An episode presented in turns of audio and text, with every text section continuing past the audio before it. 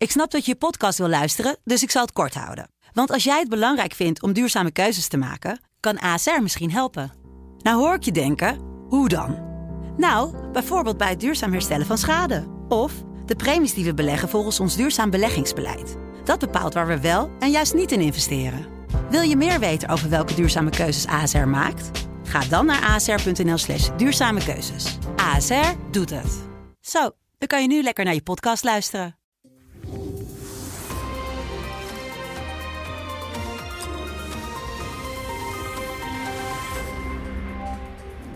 Welkom bij het gesprek met Paul Jansen, de hoofdredacteur van de Telegraaf, waarmee we elke week doornemen wat hem bezighoudt in het nieuws.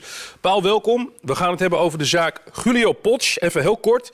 Potsch is een Nederlandse Argentijn die op een sneaky manier uitgeleverd is in Argentinië omdat hij verdacht werd van oorlogsmisdrijven tijdens de militaire dictatuur in de jaren 70. Sneaky is dat het door Spanje is gedaan, via Spanje is gedaan.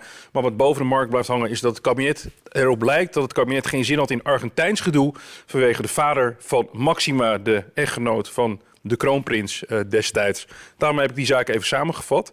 Uh, wat is er? Er is een commissie geweest, die heeft een en ander onderzocht. Wat is er nou extra naar voren gekomen? Nou, die commissie ging nog eens vooral de, de Nederlandse rol in deze hele affaire onder de loep nemen. En uh, daar lag een lijviger rapport uh, deze week. En heel interessant zit er een passage in dat rapport waarin uh, een, een, een, Nederlandse betrokkene uit de doeken doet dat hij een uh, mysterieus telefoontje heeft gekregen. Uh, van een mevrouw die zei te spreken namens het Koninklijk Huis, namelijk van het kabinet van destijds nog de koningin. Ja. En um, in dat telefoontje zou gesuggereerd zijn of, of die hele zaak nou eigenlijk niet weg kon, want het was zo sneu voor Maxima. Ja.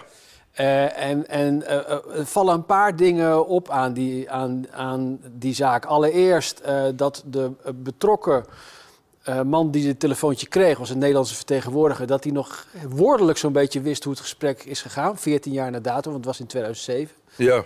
het andere wat opvalt is dat de commissie die dit rapport heeft, heeft geschreven die passage woordelijk, dus zijn verslag woordelijk heeft overgenomen, waar, waaruit je de conclusie kan trekken dat die commissie dacht. Oh jee, wat moeten we hiermee? Wij doen Ja. even zo. En we, we zetten gewoon integraal zijn verslag zetten we gewoon in, in, in het rapport en that's it. Eh, maar het allerbelangrijkste is natuurlijk, wie is die mevrouw? Ja. En hoe kwam zij destijds aan die informatie? Want Die zaak Potsch was toen nog helemaal niet naar het buiten was, gekomen. die informatie was nog helemaal niet publiek bekend. Hè? Dus Nee. het is wel heel opmerkelijk dat dan zich iemand meldt... eh, die eh, zegt eh, namens het kabinet van de koningin te spreken... en dan een balletje opgooit van, kan dit niet weg? Ja. En niemand wist wie die mevrouw was. Er wordt gezegd, er is ook navraag gedaan. dat staat ook in het rapport. Er is, de, de betrokkenen zijn destijds eh, eh, bevraagd. Eh, en het, eh, de conclusie is dat het niet te achterhalen is of en wie. En, eh, dus eh, een, my- een mysterieus telefoontje van een mysterieuze dame. Ja, Ehm, nou gaat de Kamer die gaat juist met dat eh, aspect niet akkoord. Want die zeggen van, joh, ja, eh, een telefoontje van het kabinet, koninklijke bemoeienis. We willen weten hoe het zit. Nou is er al heel lang heel veel kramp rondom het postdossier. Ja. Want er is, een, er is een gespreksverslag wat de huidige minister van Justitie... er is al meerdere keren door de Kamer gevraagd... dat zou onder andere over betrokkenheid Koninklijk Huis gaan. Onder andere wordt gezegd, kom daar nou mee naar buiten. Maar dat gebeurt maar niet. Ja, nou, het is goed dat je het zegt, want kijk, er is, er is sowieso, merk ik, vaak kramp rond het Koninklijk Huis. Of dat nou in dit dossier is of anders, of andere dossiers. Dus je weet op een gegeven moment ook niet meer... wat is nou eigenlijk namens het staatshoofd, Ja. namens de Oranjes, wordt er geopperd... Of wat is wat mensen in de entourage denken dat zij zouden willen. En, en dus Ja. namens die eh, ongevraagd hè, eh, hier en daar allerlei balletjes gaan opgooien. Dat is, je moet er namelijk rekening mee houden dat dit inderdaad een eenmansactie is geweest. Van iemand uit, uit de entourage van het Hof. Ja. Die eh, gemeend heeft dat het verstandig was om dit balletje op te gooien bij deze persoon. En het gaat dan om een. Een hoge ambtenaar bij, eh, bij Eu- Europese organisaties. Euro, Euro, Eurojust. Eurojust, ja. Ja.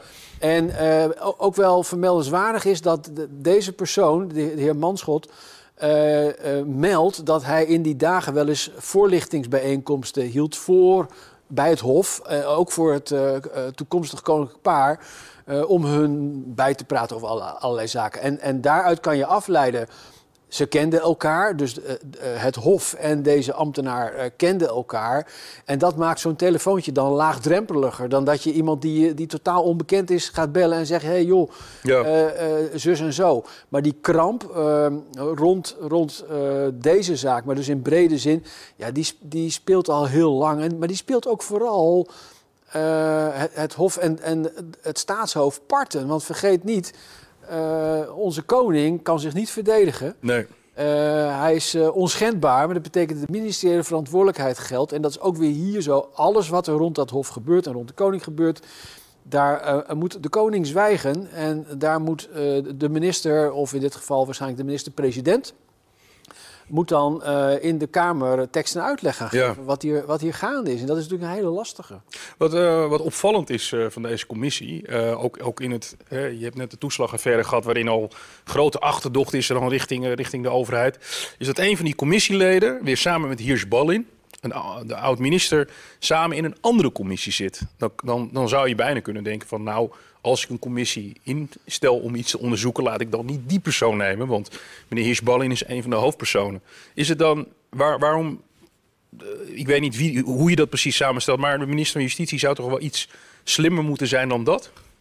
Ik, ik ken de, de beweegredenen niet om hiervoor te kiezen. Ik, ik weet wel uit mijn Haagse jaren dat, dat eh, de, de, de vijver waaruit je kan vissen bij dit soort gevoelige onderzoeken is niet heel ruim. Ja. Dus je, je komt al, al snel weer op, de, op dezelfde personen. Klein clubje. Uh, ja, wil je, als, je, als je wil voorkomen dat, want hè, dat is ook belangrijk, je wil ook voorkomen dat, dat een onderzoek uh, wordt uitgevoerd door uh, personen die dan zelf onderwerp van discussie uh, worden. Dus je wil ja. dat, het, dat het gewicht heeft, gezag heeft en bo boven el elke twijfel is verheven. Nou, dus, dus kom je altijd bij een, een select groepje mensen uit. Dat is de positieve uitleg. Je kan hem ook cynischer bekijken en dan zeggen ja, het is ons, kent ons. En ze houden elkaar allemaal uh, in, in een, in, misschien wel in een wurggreep. Ik geloof daar niet zo in. Ik denk, ik denk echt dat het erom gaat dat, dat je kundige mensen hebben die, met gezag die dit, dit kunnen doen. Uh, iets, iets anders is, um, en dan kom je meer op de, op de schimmigheid rond het Hof, wat we natuurlijk al langer zien, wat ook weer te maken heeft met de, de onschendbaarheid van de koning. Ja. Uh, een koning die wel lid is van de regering. Er is wekelijks overleg met de minister-president. Dus er hangt altijd een soort mist ons van... ja, maar hoe ver reikt die invloed nou van het staatshoofd? Ja. En, en je ziet hier eigenlijk een een tipje van de sluier wordt er opgelicht, waarbij weliswaar uit de entourage en weliswaar doet iedereen zo. Ja. Maar we hebben vanuit het verleden ook vaker gezien dat er, of dat nou vanuit Paleis Soesdijk was in de tijd, of Huis ten Bosch of Noordeinde, dat er wel degelijk ook uh, in, in royale kring, om maar zo te zeggen, ook meningen uh, leefden die geuit werden of soms ook wel druk werd gezet richting, richting de politiek. Ja. En, en daar ligt ook, ook de gevoeligheid uh, hier. En, en wat de ambtenaar met name ook uh, in kwestie uh, zegt, wat natuurlijk heel relevant is. Die, die is echt in zijn wiek geschoten. Hè? Het staat ook in dat verslag. Ja. Maar die zei, ja, de gevoelens van Maxima. Wat dacht je van de, gevoelens van, van al die nabestaanden... van die mensen die op die dodenvluchten hebben gezeten? En was Ja. het nog volstrekt onduidelijk of, of de heer Poch al dan niet Ja, eh, was. zou zijn. Ja. We weten allemaal hoe het is afgelopen. Maar ehm, weet je, het, het- die mist rond het Koningshuis die, die, heeft, die, ja, die, die hoort misschien wel bij hoe wij in Nederland hiermee omgaan. Maar je ziet ook elke keer weer dat dat ook, ook schadelijk kan zijn Ja. voor het aanzien van het Hof. En daarmee voor het aanzien van ons staatshoofd. En ik, ik, ik vind dat ingewikkeld. Je ziet daar haast geen oplossing voor in de huidige opzet waarbij de koning lid is van de regering. Aan de andere kant, ik hoor ook van Haagse politici, politici die zeggen... op het moment dat je koning buiten de regering plaatst... ja, dan kan je, krijg je ook een soort commentator. En dat is nou ook weer niet wat we willen. Dus ik vrees dat we nog eh, eh, lang in deze eh, lastige situatie zitten. En die doet ook wel een beetje afbreuk aan de statuur van de koning... die juist zo belangrijk is als verbinder in ons land. Ja, en tot slot.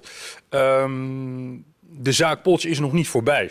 Want eh, hij, hij voert een rechtszaak tegen de staat met zijn eh, advocaat Knoops. Eh, de Kamer neemt hier geen genoegen mee. Ehm, het kan zomaar zijn dat dit een, een hoofdpijndossier is... wat een volgend kabinet ja, moet gaan, mee moet gaan dealen. Ja, de Rijks, Rijksrecherche is er nu opgezet om, om dat lek te onderzoeken. Want hoe kwam deze mevrouw aan die informatie op dat moment?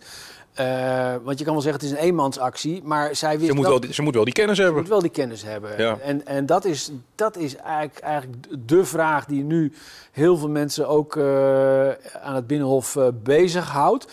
Ja, en de, de- ik vermoed dat je het antwoord op die vraag niet gaat krijgen. Nee, nee, nee. Ik nee. denk dat het allemaal onvindbaar zal blijken te zijn. Maar als we daar op de een of andere manier meer over komen te weten, ja, dan kan dit nog wel eens een heel lastig, maar ook voor ons journalisten interessant vervolg krijgen. Dankjewel. Graag gedaan.